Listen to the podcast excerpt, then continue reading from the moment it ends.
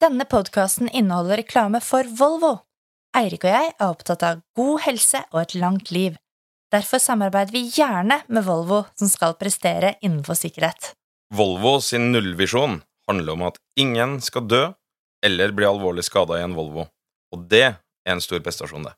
Forskning og praksis har vist oss at det å holde seg i form med trening og fysisk aktivitet er en av de beste formene for livsforsikring du kan ha.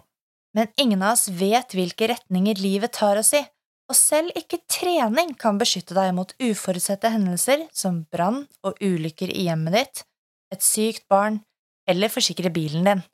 Til det her har du forsikringene til Fremtind Forsikring, som er eid av Sparebank1 og DNB. Ready, set, go! Velkommen til prestasjonsprat med Eirik og Melina. God morgen, kjære. God morgen, Erik. Vi sitter nå på din arbeidsplass. Vi sitter på Norges idrettshøyskole.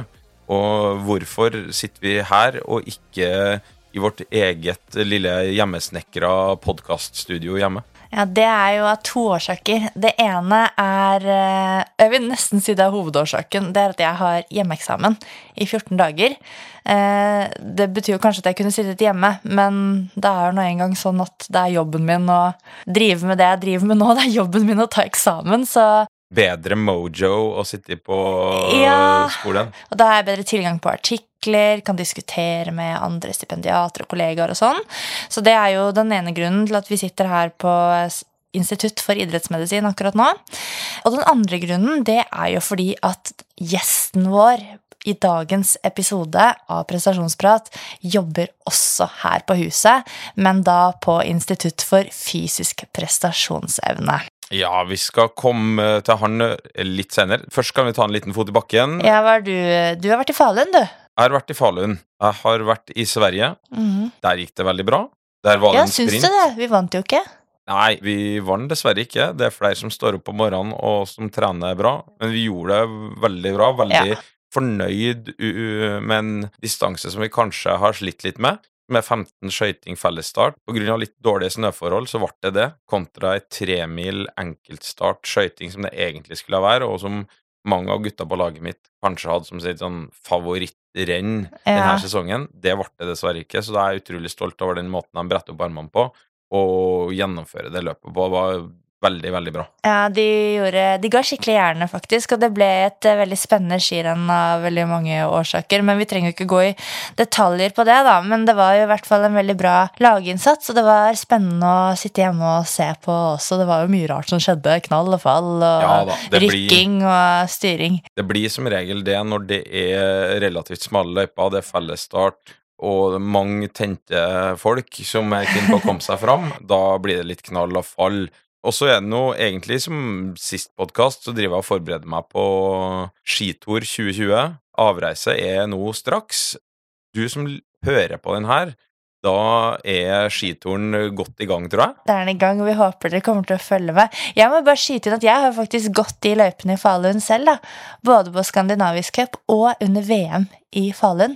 Det stemmer. Og for dere som kanskje satt hjemme og så på da, og ser at å, klarer du ikke den svingen der, eller Altså, det kan se så lett ut på TV, men fy søren, det er noen skikkelig tekniske svinger der. Og jeg husker sånn Jeg øvde og øvde og gikk opp og ned, opp og ned og rundt og rundt i liksom samme sløyfen, da, for å klare den svingen der hvor Simen Krüger satt rumpa nedi Ja nå, nå sist. Så, så det er eh, at det, Til og med Hellas har tryna i den svingen. Nei, Det- Hellas har ikke tryna i den svingen. nei, du har trynet i den. Nei, jeg har ikke det. Jeg klarte det Det kjempefint, jeg. kun, kun Simen Krüger. Ja, det var kun Nei da. Men eh, ja, så det var litt morsomt å se det, da, for det, det, jeg fikk gode, jeg har gode minner fra, fra VM i Falun. Nei, så ellers er det jo Det tralter og går. Jeg tenker jo at Du har jo allerede sagt at du er i gang med eksamen, så det er litt sånn Ja. det, det er det som skjer Jeg skal jo egentlig ikke sitte og gjøre det her nå, for å si det sånn. Jeg håper at ikke jeg møter sånn veileder eller noe i gangen. sånn plutselig. Det er derfor vi har satt oss inn på et rom som det ikke går an å se inn på. Ja. Så hemmelig oppdrag. Nei, jeg tenker at vi bare skal sparke i gang. Kan ikke du fortelle litt grann om hvem det er vi skal eh, møte nå? Jo, det skal jeg. Først så skal jeg si temaet for podkasten i dag er høydetrening. Det er noe som jeg som trener har uh, drevet litt med, mine utøvere. Selv sjøl som aktiv, langt tilbake i tid, så var jeg faktisk òg i høyden. Ikke systematisk, men jeg var i høyden og trent. Så jeg har litt erfaring med det. Mange år med Petter Northug òg i høyden. Men han var invitert i dag. Eh, han eh, har vi hatt som lærer, i hvert fall litt, når vi gikk på idrettshøyskolen. Han har kommet seg enda litt lenger i hierarkiet etter at han var lærer og litt eh, stipendiat, sånn som du er, på den tida. Han eh, har forska på langrenn. Han har forska på utholdenhet, han har forska på styrke, eh, masse forskjellig, og er rett og slett en ganske smart kar, og en som jeg personlig diskuterer ganske mye trening med. Han heter Thomas Losnegård. Så velkommen til deg, Thomas. Kan ikke du ta bare kort og introdusere deg sjøl? Ja, jeg heter da Thomas Losnehar eh, og jobber som førsteamanuensis i skiidrett på Norges idrettshøgskole. I tillegg så er jeg da fagansvarlig for eh, utholdenhet på Olympiatoppen. Hva betyr egentlig det? Det å være fagansvarlig for utholdenhet, det betyr at du leder utholdenhetsavdelinga på Olympiatoppen, og du har da ansvar for eh, en rekke idretter i forhold til forberedelser til f.eks. For viktige mesterskap, og hva idrettene Og komme med anbefalinger hva idrettene bør gjøre. Så sånne som meg, da, som er trener i en utholdenhetsidrett, vi, når vi lurer på noe, så ringer vi til deg og spør hva fanken skal vi gjøre med det her problemet? Og Det er jo ikke sikkert at jeg kan gi det svaret, men jeg kan iallfall kanskje gi noen anbefalinger på hva som er eh, lurt å gjøre, og ikke minst anbefalinger på hva som er dumt å gjøre. Og med dagens tema i dag, da, som er det kontroversielle temaet høyde og høydetrening, så tenker jeg jo at da er det bedre at vi spør Thomas om hva som er lurt og dumt å gjøre, enn at vi spør deg, Erik. Ja, ja det vi vil jo vil vise seg det, men vi kan jo begynne da med hva høyde egentlig er. Når vi snakker om høydetrening, hva er, hva er høyt, og, og hva betyr egentlig høyde? Altså Høyde, det er jo egentlig trykk, da. Sånn at når vi øker høyden, så reduseres eh, lufttrykket. Og eh, når vi reduserer lufttrykket, så gjør det da at eh, vi får en mindre metning av oksygen til blodet. Og når blodet har mindre oksygen, så får da musklene mindre tilgang til oksygen, og det gjør at vi må redusere på en måte eh, arbeidsevnen vår. Ja, det, vi har jo fått noen spørsmål på det her. Altså, det er noen som spør altså, Er det det samme å trene i et rom med å slå på støvsugeren, eller i et rom uten luft? Da er noe noen som stiller spørsmål om Altså, hva vil du svare til det? Det å trene i et rom ut, altså med dårlig luft, det er kanskje ikke noe som jeg ville anbefale. Da kan det hende at det er andre ting som eh, gjør at du ikke får så god treningseffekt av den økta. Så det blir nok ikke helt riktig. Nei, Så du får ikke høydeeffekt av å være i lavlandet, men ha lite eller dårlig luft? Eh, ikke nødvendigvis lite eller dårlig luft, men man hadde jo på en måte en periode der man hadde høydehus. Der man på en måte manipulerte med oksygeninnholdet da, i lufta, i motsetning til f.eks. et trykkammer. Der, eh, der man har det samme oksygeninnholdet, men det er bare lavere lufttrykk. Ja, for det er jo en gang sånn at øh, i høyden så er det jo det er jo like mye oksygen i lufta. Det er bare at trykket er annerledes. Det er riktig. Når vi sitter og ser på sportssendinger, da, Thomas, så får vi jo masse informasjon fra kommentatorene om eh, at dette rennet går i høyden eller mellom høyden, og så snakker de masse om hvordan det potensielt kan påvirke utøverne. Men hvor, eh, hvor høyt må vi egentlig før vi kan kalle det høyde? Nei, de, de fleste konkurrans, eller fleste eh, idrettskonkurranser har jo en grense på ca. 1800 meter, da, som de regner som på en måte den øverste grensen for, for konkurranser. Så man kaller ofte mellomhøyde en sånn, skal vi si, mellom 1200 til 1600-1700-1800 meter, og så er det over det som de fleste konkurranser ikke foregår, da. Og så blir det jo mer ekstreme forhold, da, jo høyere du kommer, på en måte.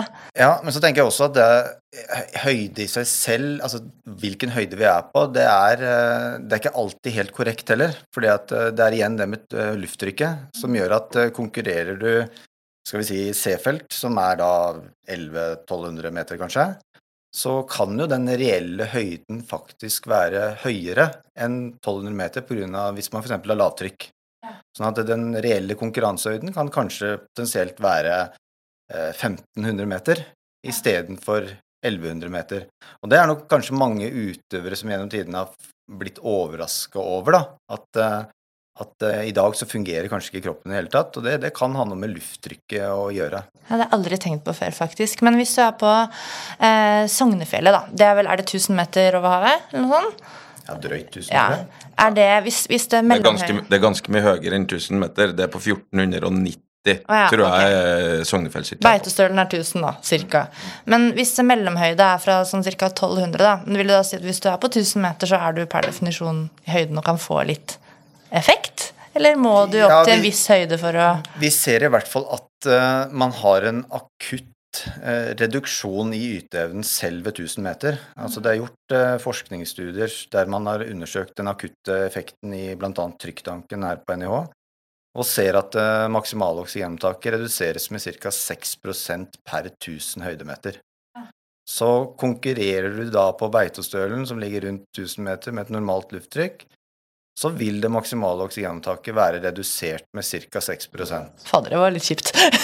Men det er jo såpass jeg skal si, det er såpass lite at det er ikke sikkert at du merker det i så stor grad. Eh, Men det er klart når du kommer, la oss si at du kommer på 2000 meter, eh, og du har en reduksjon på 12 så er det såpass merkbart at de aller, aller fleste vil, eh, vil merke det ganske godt. Interessant det med lavtrykk og høytrykk. Det er jo sånn typisk som vi òg prater om når vi er på de plassene her. F.eks. Davos, som vi konkurrerer i hvert eneste år.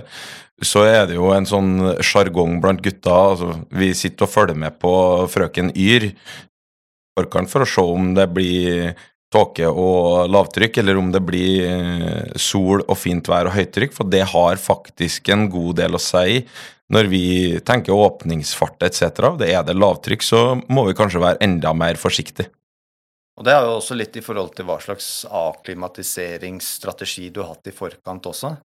Eh, hvis du har på en måte hatt den samme høyden som du reelt sett skal konkurrere på, men det blir mye høyere, så kan det potensielt kanskje være negativt for prestasjonsevnen, fordi at det blir, det blir veldig uvant for utøverne.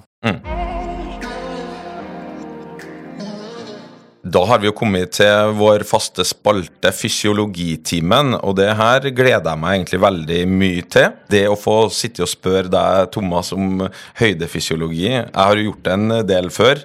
Eh, Jeg har jo lest en del om det sjøl òg. Vi har fått masse spørsmål om det. Når vi kommer til høyden, så er det jo noe som skjer relativt med en gang. Vi kan egentlig sammenligne med at du setter deg på et fly, og det tar av. Og når du er på et fly, så er du ca. på en 2000 meter. Og der er det ikke sikkert du skal være eh, lenge heller. Men hva er det som skjer i den akutte fasen med en gang du blir eksponert for, eh, for et lavere partialtrykk for oksygen? Den, den si, mest vanlige, eller det folk flest merker, er jo at ventilasjonen øker. Man puster litt eh, oftere, man puster litt mer, og at eh, man, man reduserer væskenivået i kroppen. Mm. Videre så kan det også skje at man f.eks. sover litt dårligere de første dagene. Man eh, reduserer litt sånn koordinative evner, kanskje. Man blir litt mer ukonsentrert. Så man kan egentlig si at den første fasen i høyden, der er man i en sånn eh, Vi kan kalle det en litt sånn sykdomstilstand, da. Mm. Man er litt sånn litt ukomfortabel og litt pjusk, egentlig, de første dagene. Og det, det har jo også noen påvirkning på hva man gjør i forhold til trening og, og annen type aktivitet, da. Mm. Jeg, jeg har jo merka det der sjøl veldig mange av de gangene jeg har vært i høyden, spesielt det med ventilasjonen. Jeg får den følelsen at du plutselig har glemt å puste idet du skal legge deg på kvelden, eh, spesielt. At du blir liggende der og, og kjenne på pusten veldig. Jeg sammenligner litt med noe, min kone som er gravid, og som eh, da når hun legger seg, driver og hiver litt etter pusten, hører jeg. Det er sånn jeg føler meg når jeg er da i høyden. Minus da den høydeeffekten for min del. da. Men um, når, vi er, altså når vi er i høyden og får disse akutte effektene som gjør oss litt pjusk, da, som du sier At vi burde vente med å gjøre tekniske former for trening eller det vi kan kalle sånn kvalitetsøkter. Altså Hvordan skal man forholde seg da de første dagene? Jeg tror det er utrolig viktig å, å ha en veldig god plan på, på høydetreninga i forhold til periodiseringen av innholdet. Mm. Så vi, vi bruker ofte å anbefale skal vi si, en sånn lett inngang, altså de første dagene, og kanskje også en lett utgang av høydesamlingen. Eh, Med lett inngang så betyr det da f.eks. at eh, kanskje treningsbelastningen totalt sett er litt eh, redusert, fordi at kroppen trenger å på en måte tilpasse seg de, de omgivelsene den er. Og for enkelte idretter som driver veldig sånn koordinative og tekniske idretter, så kan det hende at det er lurt å vente med de tekniske elementene før man kommer litt ut i samlingen, og man er mentalt sett litt bedre klar for å gjennomføre det. Eksempel i kombinert så, så er det ofte sånn at hvis man hopper i høyden, så vil man kanskje ha noen dager først der man eh, velger å gjøre annen type aktivitet enn nettopp hoppinga. Fordi at det er såpass mentalt krevende og såpass teknisk krevende at eh, det kan være veldig Det kan være dumt å gjøre de første dagene. Da. Mhm. Kan potensielt være høy risiko også. Hvis vi går litt mer inn på Vi skal snakke mer om altså, hvordan trener vi i høyden. Kommet oss litt mer gjennom fysiologitimen. Men hvis eh, vi blir der en stund, da, hva slags langtidseffekter kan vi forvente å få av, eh, av høyde? Altså Den mest vanlige markøren for eh, si, effekten av høyde, det blir jo ofte omtalt som hemoglobinmassen. Altså eh, mengden hemoglobin vi har i kroppen. Og den, det vil jo da produseres mer røde blodceller etter hvert som vi er opp, eller oppholder oss lenger i høyden. Da. Og det er kanskje den, som sagt, den klareste markøren. Er det sånn at alle får den effekten i kroppen? Eller er det forskjell mellom eh, individer? Det er veldig eh, diskutert og egentlig veldig sånn Da er vi inne på liksom individuell respons av høydetrening. da. Ja, For det er kanskje ikke helt 100% likt for alle? Nei, altså Det som er vanskelig, slik jeg vurderer det, det er at altså, høydetrening består jo egentlig av to ord. Altså Det består av høyde, og så står det av trening. Ja, Det at du bare er der, kontra hva gjør du der? Riktig. Sånn Ja. at når du skal undersøke effekten av det, så må du både ta hensyn til høyde, og du må ta hensyn til treninga. Og det gjør at du sånn i forskningsverdenen så drar du inn to parametere. Er vanskelig å skille hva Og- ja, som er nettopp, så det er veldig vanskelig å skille effekten av det. Så mange utøvere mener jo at de ikke har effekt av høydetrening. Men man er ikke helt sikker på om de, har, altså de mangler effekten av høyden, eller om det er noe med treninga som gjør at de ikke får effekten av høydetreningen. Og dere opplever, eh, har jo opplevd mange ganger at eh, en del utøvere blir usikre på akkurat det med å dra til høyden, om at høydetrening er for dem, for vi har målt en del parametere, bl.a. hemoglobinmasse, og de finner finner ikke noe der. Altså, De har ikke økt i hemoglobinmasse etc., og dermed så blir de skeptiske til høydetrening, for det, det er litt mer med det, det å trene i høyden. Eh, og da er det vanskelig òg for oss å eh, si OK, har vi funket høyde for deg, eller er det treninga som vi har gjort feil for deg? Og dette er så veldig individuelt på, på et lag eh, som f.eks. jeg har, da. Men, men jeg tenker samtidig at liksom veldig mange utøvere er også veldig opptatt av den hemoglobinmassen.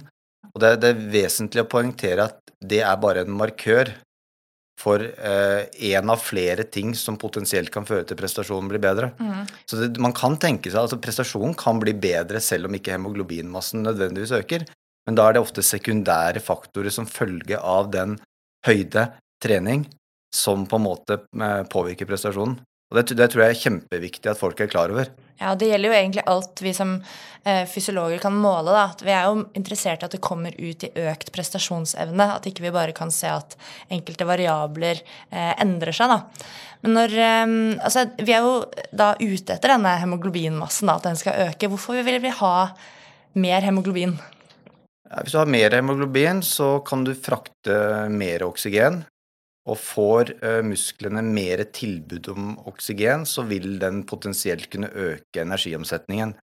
Og har du en økt arob energiomsetning, så vil du etter all sannsynlighet øke yteevnen din og kunne gå fortere.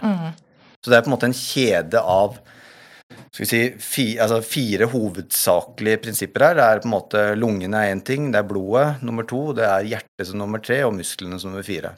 Så forbedrer vi en av de skal vi si, kjedene i regnestykket der, så vil den arobe energiomsetningen øke, og du vil prestere bedre. Ja, det blir bedre til å bevege deg litt raskere. Men um, er det flere ting som skjer? Skjer det noe med blodvolumet f.eks.? Jeg mener, jeg har lest at blodvolumet også kan øke i høyden. Eller er det bare noe Ja, det er nok litt mer uklart, men, men blodvolumet kan potensielt eh, også eh, øke. Men det er klart at den vil sannsynligvis også kanskje reduseres i starten, da, når væskenivået eh, reduseres. Mm. Så du får jo en akutt forverring av prestasjonsevnen din i starten eh, pga. væskenivå, og kanskje også da blodvolumet. Og så vil det sannsynligvis normalisere seg når du opprettholder lenger, og kanskje øke etter hvert. da. Ja. Så det er også da kanskje ekstra viktig å drikke en del da, når man er i høyden. Hydrere godt. De erfarne utøvere i høyden de har ofte veldig gode rutiner på det, og de drikker ofte litt mer og litt tidligere enn de føler at de må. Ja. Da er det ofte kanskje en bra balanse. Mm. Det høres fornuftig ut. Eh, Du var inne på det i starten der med at folk eh, kanskje føler seg litt sånn pjusk, da, for å bruke det ordet ditt i, i høyden.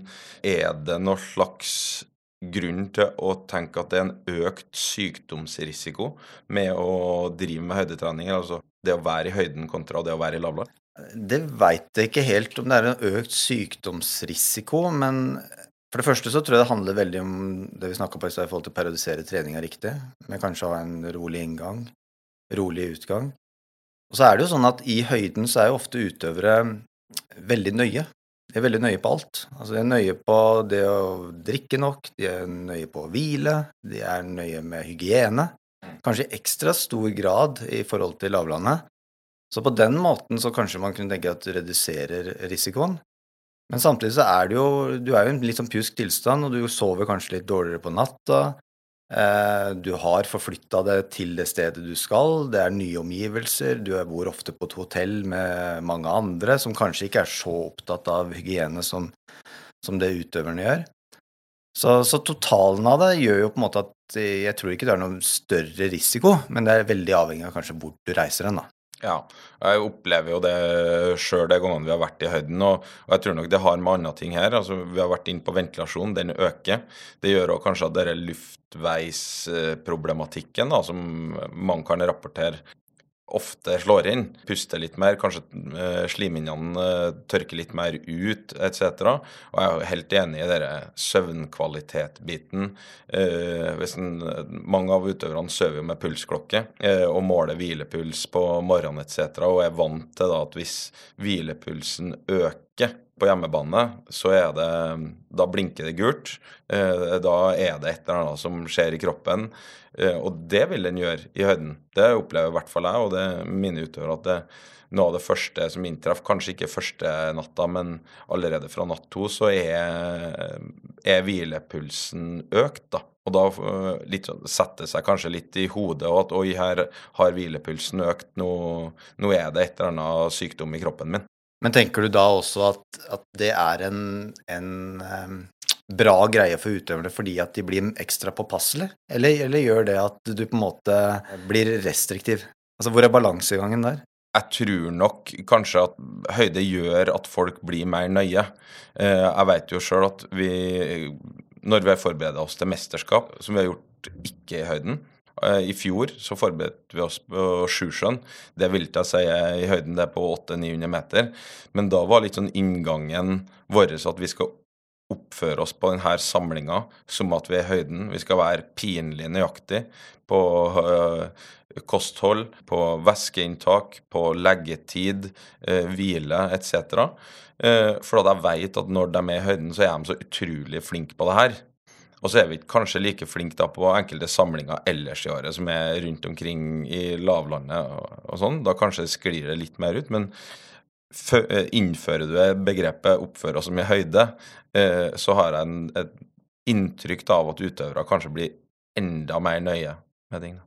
Mm, Det er jo, altså når du er inne på dette med, med puls, da, eh, og at kanskje hvilepulsen øker eh, litt i høyden, eh, får, man en, får man en redusert makspuls i høyden hvis man går litt andre veien? Eh, Jeg tror ikke det påvirker makspulsen, men det er vel indikasjoner på at du har en større variabilitet i pulsen når du er i høyden. Altså den vil variere mye mer fra dag til dag. Den vil kanskje ikke være på intensiteten. Sånn at anbefalingen er ofte at man kanskje skal være litt sånn påpasselig, med, med, eller forsiktig med å tolke skal vi si, pulsdataene, i hvert fall fra aktivitet. da. Ja, At det nødvendigvis ikke er noe sånn veldig godt mål på intensiteten. fordi de fleste mosjonister, eh, og mange av de liker jo også å dra på det vi kaller høydesamling, eller i hvert fall dra opp i høyden og trene. Og så er det jo pulsklokka er jo kanskje det mest vanlige verktøyet, da, bortsett fra følelsen, for å styre intensiteten. Men hvis søvnen påvirker eh, Den vet vi jo påvirker pulsen i ganske stor grad. Hvis den er litt sånn opp og ned, og så er det effekten av å være høyden i seg selv, kanskje litt sånn psykologiske faktorer, som du nevnte, da vil det jo bli ganske store variasjoner og Uh, Ja, jeg tror det er et godt poeng at kanskje man ikke skal legge alt på pulsklokka da, når du skal trene. Ja, jeg tror man skal være veldig restriktiv med det. Og det, det er jo vanskelig, skal vi si spesielt i idretter som ikke har noe sånn ytre mål på intensiteten, altså eksempel langrenn, er det jo veldig vanskelig å styre intensiteten etter. Altså er du på løping eller sykkel, så er det lettere, for der har du et forhold i forhold til f.eks. For hastighet, eller du har et forhold til watt, f.eks. Mhm. Og du kan på en måte basere ut fra det, så kan du basere intensiteten ganske godt og tilpasse det høyden. Mens i langrenn er det mye verre, for der har du ikke de målene der. Og da, når heller ikke puls kanskje er et sånt veldig godt mål, så krever det jo da at du opererer veldig på feeling. Mm. Er det kanskje øh, Så følelsen er kanskje noe av det bedre å bruke, da. Bruke RPE, det har vi snakket om i tidligere øh, episoder, at man kan bruke en skala for subjektiv anstrengelse, f.eks. Ja, man kan bruke en skala, eller det, det å også, skal vi si, lytte til pusten sin er jo ofte en sånn god måte. Nå veit man at man puster litt mer i høyden, men det, det å kanskje også være litt ekstra påpasselig i høyden, altså heller gå litt roligere enn det man har tenkt, da treffer man ofte ganske bra. Fordi at eh, jeg tror at de fleste som har mislykkes med høyde, de har eh, vært litt for hissig. Altså de har tatt for stor risiko. Det er Ja. det det handler om. Tar du litt for stor risiko, så ødelegger du mer enn du tjener. Mm. Så, og særlig den forsiktige inngangen til samlinger tror jeg er eh, Der er de beste utøverne vært veldig gode, da, stort sett. Hvis, eh, men hva med å bruke laktatmålinger, da? Er det et godt verktøy, vil du si? Ja, du kan si at hvis du har en stor gruppe utøvere, da, la oss si at du har eh, ti utøvere der alle skal gå en rolig tur. Eh, du måler laktaten på de, eh, og du finner ut at ni av de utøverne de ligger på én, og så ligger det én på fire. Så veit du i hvert fall at han tiendemann han gjør noe helt annet enn de ni første. Ja. Så, så jeg, jeg ville ikke vært så opptatt av selve verdien, på en måte. Bortsett fra at, at ok, hvis du skal gå rolig, så vil den være lav. Ja. Men jeg tror på sånne grupper så er det ofte et bra verktøy, for at du ser hvem som Du kan lett detektere hvem som er litt bajas. ja, du kan styre det litt inn. Ja, du, du ser iallfall hvem som gjør noe helt annet enn resten av gruppa. Ja. Eh, Og det forutsetter kanskje også at de har en laktatprofil i bakgrunnen fra lavlandet, da, så at du har litt data fra før av. For det nytter ikke bare å dra rett opp i høyden, så er det første gang du åpner boksen med laktatmåleren og ja, det er fordelaktig, det, men samtidig så tenker jeg at uh, så lenge den skal være lav, så kan Ja. den være på en måte lav. Altså, jeg tenker at uh, uansett det forhold til å styre ting på, på laktat er Det er litt skummelt. Altså, man skal være veldig, veldig god med laktat for å kunne bruke laktat bra. Jeg er helt enig. Eh, Så altfor mange tilegner disse eksterne verktøyene altfor mye tillit. Mm. Eh, mens de beste utøverne tror jeg er veldig gode på å gå på feeling, og så bruker de disse verktøyene som et supplement Ja. for å se om den følelsen som de har, stemmer overens med de objektive målene. Det er jo et støtteparameter og mer en slags liten kalibrering, egentlig. Ja. Jeg er helt 100% enig med deg. Alltid veldig godt å høre hvordan folk er enig. Hvis vi er i høyden Nå har du snakket om at eh, man kan på en måte gjøre mer feil med å ta i fart da, og være litt bajas, kontra det å trene litt ekstra rolig. Um, men når du trener i høyden, og la oss si du er der i rundt tre ukers tid, da, og trener mye rolig, går du ikke kanskje glipp av noen treningseffekter ved å tasse rundt i landkrabbetempo? Tenker jeg litt på dette med sånn D-trening, og eventuelt at man mister litt sånn fartsressurser og Og dette er jo igjen tilbake til f.eks. kombinert, da, som krever eh, både utholdenhet, men også styrke, power, eh, som et supplement der. Der har jo dette vært diskutert veldig mye. Jeg tror eh, du kan løse det ved å ha en veldig god periodisering av treninga basert på en årssyklus. Altså, du kan kompensere noe av det med å gjøre andre ting før du reiser til høyden. Og så har du på en måte høyden som du driver med en, e- en egenskap. An På varigheten på det høydeoppholdet. da. Hva er den optimale varigheten? Hvor lenge man må være der for å få eh, For at det faktisk skal komme ut i mer røde blodceller, eventuelt økt blodvolum, kanskje en prestasjonsøkning også. Jeg tror det er ekstremt viktig før man reiser til høyden å vite hva skal man med den høydetreninga. Altså du kan tenke deg at enten så kan eh, målsettinga være å akklimatisere seg, trene på å akklimatisere seg til en høyde. Det kan være å trene på konkurranselignende ting i høyden, eller det kan være å oppnå en treningseffekt som følge av høydetreninga. Og det siste der, så er det jo på en måte den generelle anbefalingen er jo at eh, kanskje bør man være i tre uker, og man bør være på en høyde på 2200-2500 meter hvis man ønsker en høydeeffekt av den samlingen. Ja, rent fysiologisk. Rent fysiologisk.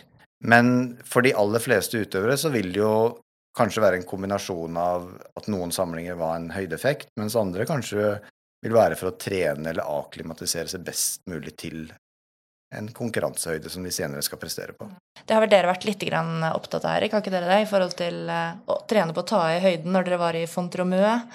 Jo, eh, vi har et OL fram i tid i Beijing som eh, går på opp mot 1800 meter. Det er en høyde som ingen av dem som er på landslag i langrenn nå har noen gang konkurrert på. Derfor har vi vært litt sånn opptatt av å kanskje prøve å gi erfaring på det å ta i maksimalt på den høyden. Eh, I og med at vi også mest sannsynlig flere av utøverne skal konkurrere flere dager i det OL-et, så er det å gi erfaring på hvordan kroppen ikke bare i konkurransen responderer på det, men også den restitusjonsbiten i etterkant. Hvordan skal jeg gjøre meg klar til en ny konkurranse om et par dager, etc. Men med restitusjon, da, Thomas, har man lengre restitusjonstid i når man trener i høyde? Man har lengre restitusjon. Hvis, hvis um, intensiteten er lik og alt, ja, alt annet er likt, da. Ja, altså det kommer litt an på hvor stor høyde du er. Altså mm. er du på 1000 meter, så tror jeg du vil merke veldig lite forskjell. Mens er du på 2,5, eller hvis du er i Valsenales, så, så vil det sannsynligvis ha en påvirkning. Mm. For det er jo en grunn til at uh, f.eks. en del utenlandske alpinister har brukt oksygenmaske f.eks. mellom omganger hvis de konkurrerer i høyden. Mm. Altså, De ønsker å få mer tilførsel av oksygen for å restituere fortere mellom omganger. Det er jo noe som ikke er lov i Norge, men det viser jo prinsippet bak det med restitusjon. da. Ja, og hvor viktig det Og vik- hvor viktig er. oksygentilførselen er. Ja. ja, absolutt. Men for å begynne å nærme oss slutten på den fysiologitimen her, da, så er det jo Men det er jo ikke sånn at det er farlig å ta i i høyden, det være seg i, i form av eh, intervaller inn mot utholdenhet eller, eller i styrkerommet. Det er jo ikke farlig å ta i. Nei, det er ikke farlig, og man konkurrerer jo i høyden, så det, det går jo bra. Men det som, er, det som er vesentlig, er å vurdere totalbelastningen. Altså totalbelastningen når du er i høyden, er jo eh, større enn den er i lavlandet. Og da må du ta noen forhåndsregler, bl.a. på treninga, for at du ikke skal på en måte komme ut i altfor mye minus. da. Og erfaringa fra, fra en del utøvere tidligere er jo det at mm, selv om man trener veldig mye rolig i høyden, så, synes det at man kanskje kan komme ut med en veldig bra form i etterkant. Men igjen, det er veldig avhengig av at man periodiserer riktig før og etter ø, og samlingen, og at man ikke tenker høydesamlingen isolert sett fra resten av treninga. Veldig bra. Det tror jeg får være siste ordet i da denne fysiologitimen. Så skal vi eh, hoppe videre til hvordan man eh, skal trene når du først har kommet deg til høyden. Høydetrening har jo egentlig vært en stor del av eh, langrenns i oppbygning til sesongen i veldig mange år. Og tradisjon for oss har vært å være på høydesamling i treukersperioder. Da har vi bodd høyt. Vi har stort sett trent uh, på den høyden vi bor. Og de treukersperiodene har vi gjentatt flere ganger i løpet av, uh, av treningshøsten inn mot sesongen. Men akkurat disse treningsmodellene her, som da heter eh, Live High train high. Det er veldig mange forskjellige modeller som er godt beskrevet i eh, litteraturen. Som, der har du òg noen som går på det å bo lavt, men trene høyt. Eh, bo høyt, trene lavt, etc. Og jeg tror nok at vi har gjort en slags sånn mellomting opp igjennom, der vi, som jeg sa, vi har budd høyt og stort sett trent høyt, men vi har òg hatt noen, noen samlingene hvor vi da drar ned i lavlandet og kanskje har noen hardøkter. Eh, kanskje som jeg sier, har noen økter som er godt for hodet. At du kommer deg ned til lavlandet der det er litt varmere og det er litt annet klima og, og sånn, som kan være godt mentalt da når du bor oppi en dal eh, på 2000 meter. Men det store spørsmålet er da hvordan du skal trene i høyden. Og kan du, Thomas, drodle litt rundt det? Altså, hva er dine tanker om et sånn optimalt eh, treningsopplegg i høyden? Som jeg sa i stad, så det er veldig avhengig av hva som er målsettinga med den, eh, den, høydesamlingen. Altså, jeg tror det er liksom det første og viktigste man må sette seg ned og finne ut hva er det man ønsker å oppnå med det.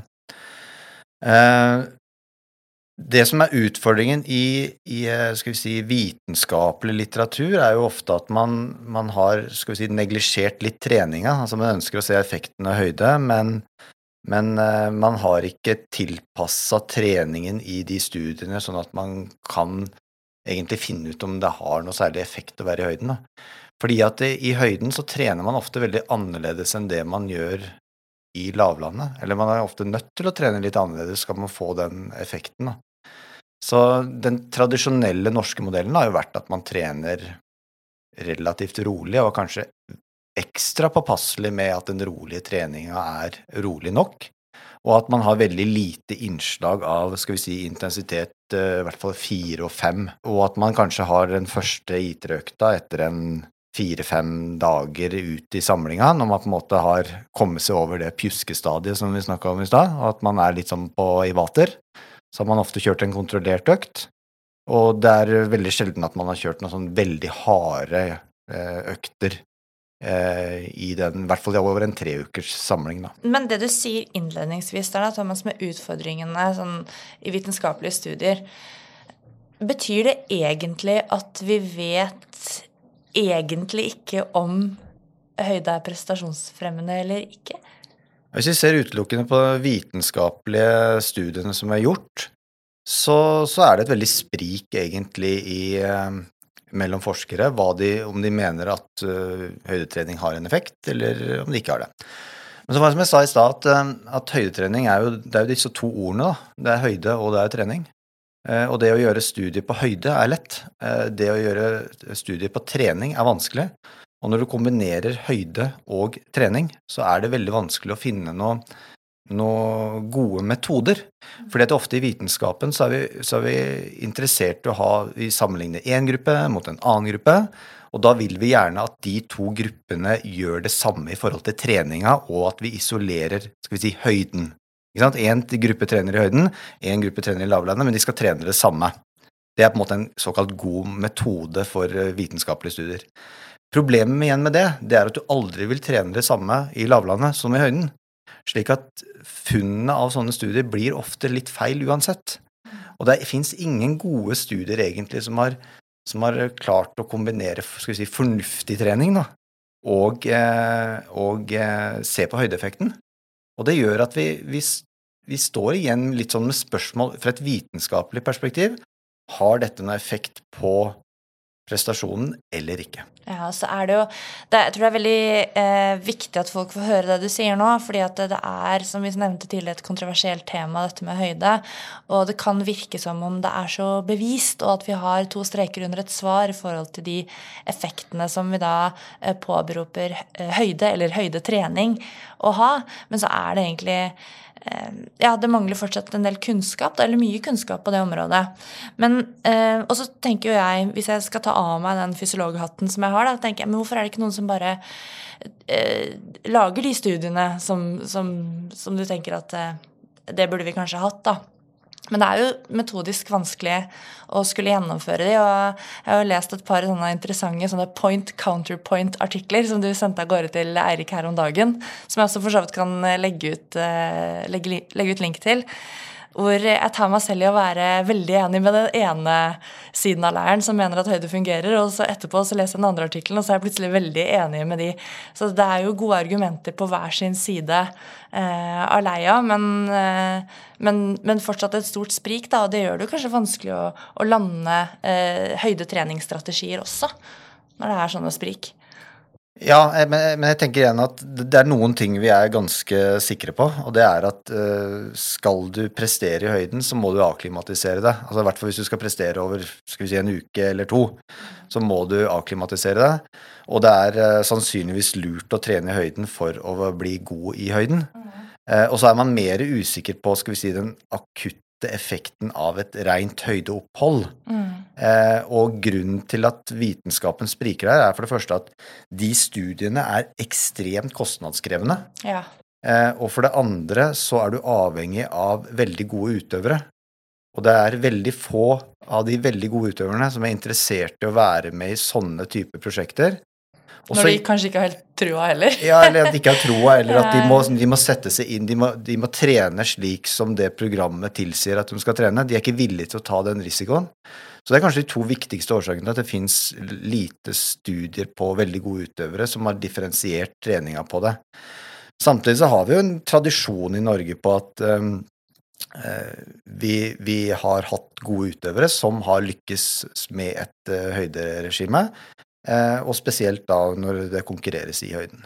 Ja, og det her jo, er jo litt sånn ankepunktet som jeg har møtt. Eh, fordi at det er mange tidligere langrennsløpere, Marit Bjørgen, Petter Northug, som har forberedt seg til stort sett alle sine gode mesterskap i høyden. De har prioritert høydetrening mye mer enn hva vi har gjort de siste årene eh, i treningssesongen.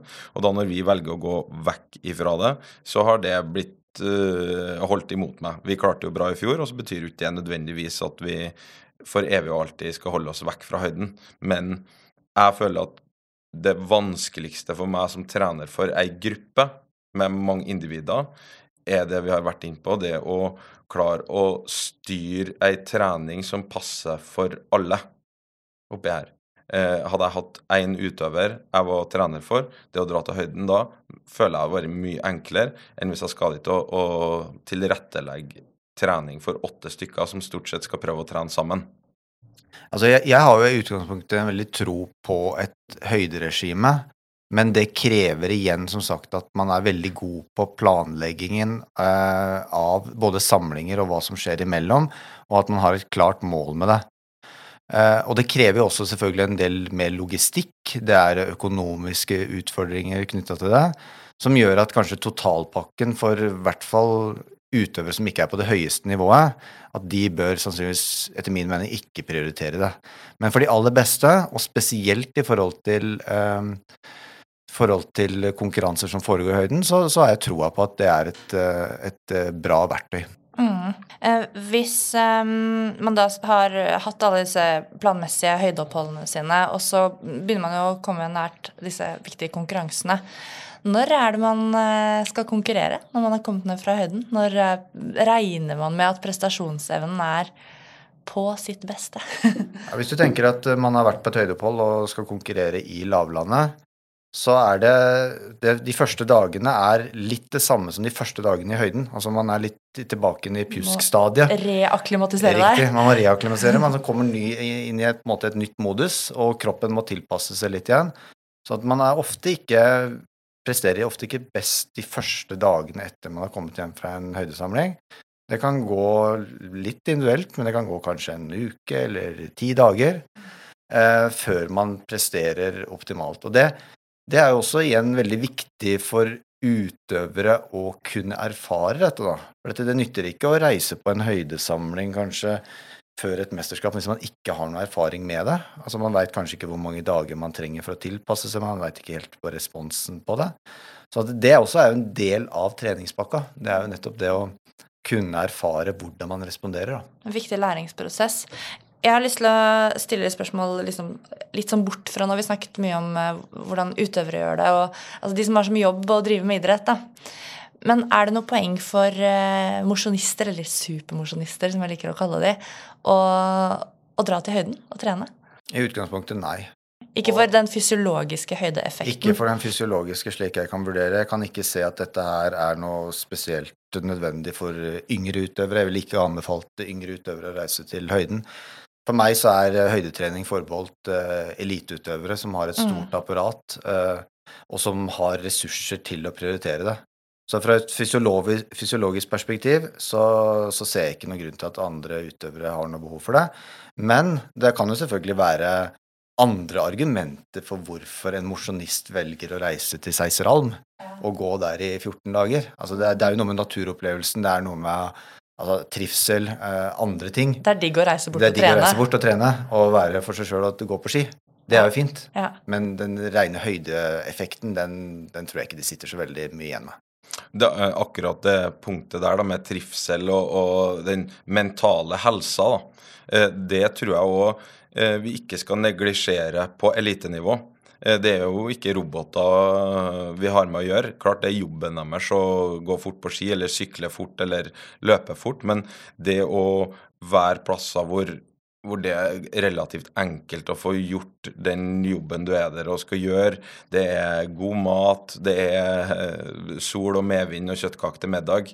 Eh, det tror jeg er utrolig viktig, også på elitenivå. Du var inne på Seiseralm, som er, en sånn plass hvor eh, veldig mange får sin mentale De er på spa for sin mentale helse. Uh, mens du har kanskje andre plasser høyde som er litt mer det jeg kaller nitrist, og du må være uh, veldig, veldig motivert for å være der over tid, da, for å ikke bli sliten i hodet. Og så, da, har vi jo et spørsmål som går på er noe som kan erstatte høyde.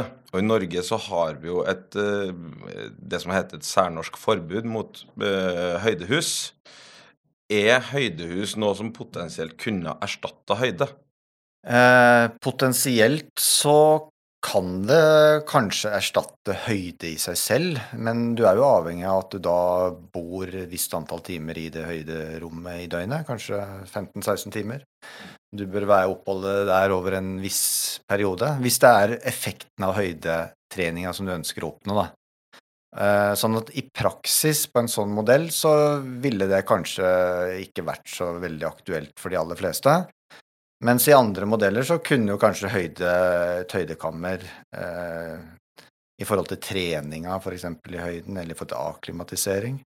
Men uansett så er dette et særnorsk forbud, og norske utøvere har ikke noen mulighet til å kunne gjøre den type ting, i motsetning til utøvere fra andre land. Ja, og det er jo um, Jeg gjorde jo masteren min på idrettshøyskolen her i et sånn høydekammer som det her, og så på Eh, effektene av koffein på da, akutt høyde.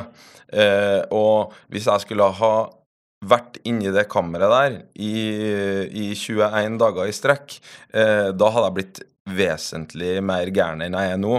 Og jeg snakka jo om det i stad, den mentale biten eh, til utøvere, den tror jeg også er viktig. Den skal ikke neglisjeres. Eh, og i hvert fall det høydekammeret på NIH her, der unner jeg ingen å være i, i 21 dager hvis vi skulle ha brukt det som eh, utgangspunkt. Nå snakker du om 21 eh, dager, da. Eh, og så spurte jeg jo litt grann eh, nå i sted om liksom, når er det vi presterer best. Men eh, la oss si at man gikk for den fysiologiske effekten da, av å være i høyden. at det var målet med samlingen.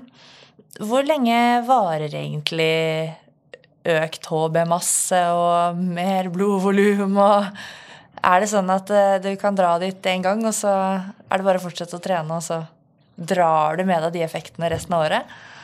Man tenkte jo tidligere at hvis man dro på et høydeopphold, og så var hjemme en måned eller to, og så dro man opp igjen, så ville man på en måte ha en, eh, kanskje en bedre respons fordi kroppen ville huske hvordan det var, og at de røde sånn blodcellene ja, at røde blodceller vil lettere produseres. Ja.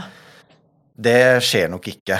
Altså, det er nok en litt sånn ferskvare hver gang. Men eh, ved at man reiser på gjentagende opphold, så, så skaffer man seg mer erfaring.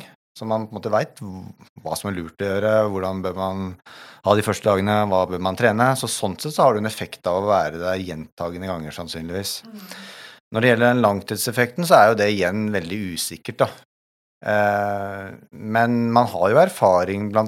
på veldig gode utøvere som har hatt et høydeopphold f.eks. For i forkant av et mesterskap, at de ofte har prestert veldig godt i også ukene etter mesterskapet. Altså Om det har noe med høydeeffekten i seg selv å gjøre, eller om det har noe med treningsplanlegging eller Ja, det er formutløsende, det er jo helt umulig å svare på. Sånn at eh, det er vanskelig i forhold til å liksom si noe eksakt om det med, med høyde og effekten av det. Fordi at det er så veldig mange variabler som påvirker den prestasjonen. Det er ikke bare hemoglobinmassen, men det er en del andre ting som, som spiller inn i det, i det totale regnestykket. Mm. Og hemoglobinmassen spesifikt må du jo fortsette å, å skulle i hvert fall stimulere eh, med trening i lavlandet, da. For det, kroppen er jo ganske greit skrudd sammen sånn at den reguleres etter hva det er behov for. Eh, så sånn sett så kan man jo kanskje tenke seg at eh, at effekten kanskje er forbigående, men i hvilken grad er veldig vanskelig å, vanskelig å si. Ja, og så, så til syvende og sist så er det jo også vesentlig å få fram det at effekten av høydetrening er jo, den er jo liten. Altså Uansett hvordan du vrir og vender på det, dette er marginale endringer. Så det er jo ikke snakk om at du forbedrer prestasjonen med 10% Nei, for det er jo det eh, eh, jeg, vi mosjonister tror. Ja, ikke sant? Og, og det, er jo, det er jo ikke sånn det er. Altså, her snakker vi marginale forbedringer, men, men vi vet jo det på, et, på elitenivå at en prestasjonsfremgang på ca. 0,5% den er eh, veldig, veldig viktig. Og den gjør statistisk sett at du vil vinne flere medaljer hvis du forbedrer deg med 0,5% På elitenivå, da, da er vi kanskje ikke i bakerste rekke i eliteklassen på Birken.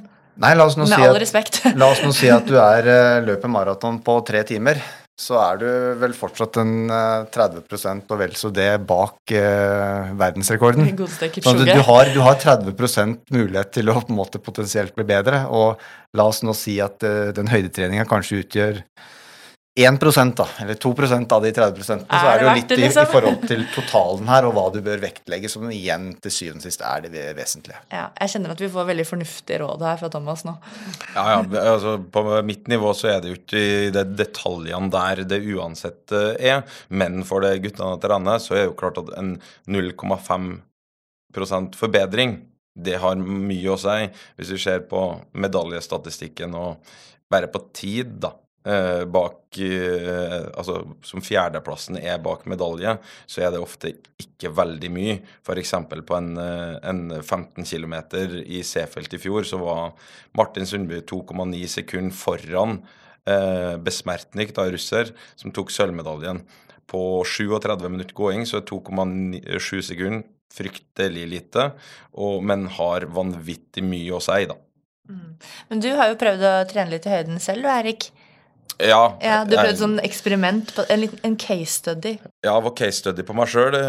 ene oppholdet så trente jeg intervall, eller ei hardøkt på minimum 20 minutter hver dag i 17 dager. Stakkars deg. Og neste høydeopphold så prøvde jeg å ikke trene eh, eh, på samme, i samme tidsrommet. Eh, så tror jeg nok at jeg feiler på veldig mye sånn metodiske eh, greier fra Thomas her, i og med at vi har allerede vært inne på det. Det her er bestående av høyde og trening. Og i det ene tilfellet så gjør jeg litt av begge delene, og i det andre så gjør jeg bare det ene. Eh, skal sies det at det, ved å ikke trene så fikk jeg en høyere eh, altså, Responsen min på hemoglobin ble større, men eh, jeg bodde òg en helt annen plass. Jeg bodde høyere, etc. Altså, sånn metodisk her så stryker jeg forskningsmessig. Ja, metodisk var det helt ræva, da. Men eh, det var jo interessant at du kunne være litt høyere og så ikke trene, og så slo du ut på de måleparameterne. Avslutningsvis da, Thomas, så må vi jo få lov til å takke deg veldig mye for at du bidro på podkasten vår med din visdom, eh, delt din kunnskap med både mosjonister og eliteløpere, som for øvrig har vært utrolig flink til å sende inn masse spørsmål. Så da håper jeg at du som mosjonist, eller du som eliteløper, som enten skal til høyden for mental spabehandling eller driver systematisk høydetrening, har plukka opp noen tips. Det har i hvert fall jeg. Thomas uh, har gitt ut masse interessant forskning eh, opp igjennom, uh, som jeg syns er veldig interessant. Blant annet så har han gjort mye omkring stavlengder i, i langrenn. Så hvis du er interessert i det her, så anbefaler jeg deg å gå inn på Norges idrettshøyskole sine hjemmesider, nih.no, og bare søk opp eh, Thomas Losnegard. Da finner du nok lesestoff til å holde deg oppdatert eh, ganske lenge framover. Og så må du også huske at du kan følge oss i alle sosiale mediekanaler. Vi heter at prestasjonsprat både på Instagram, Twitter og Facebook. Og så kan du selvfølgelig også følge de private kanalene våre. Og med det, på gjenhør. På gjenhør.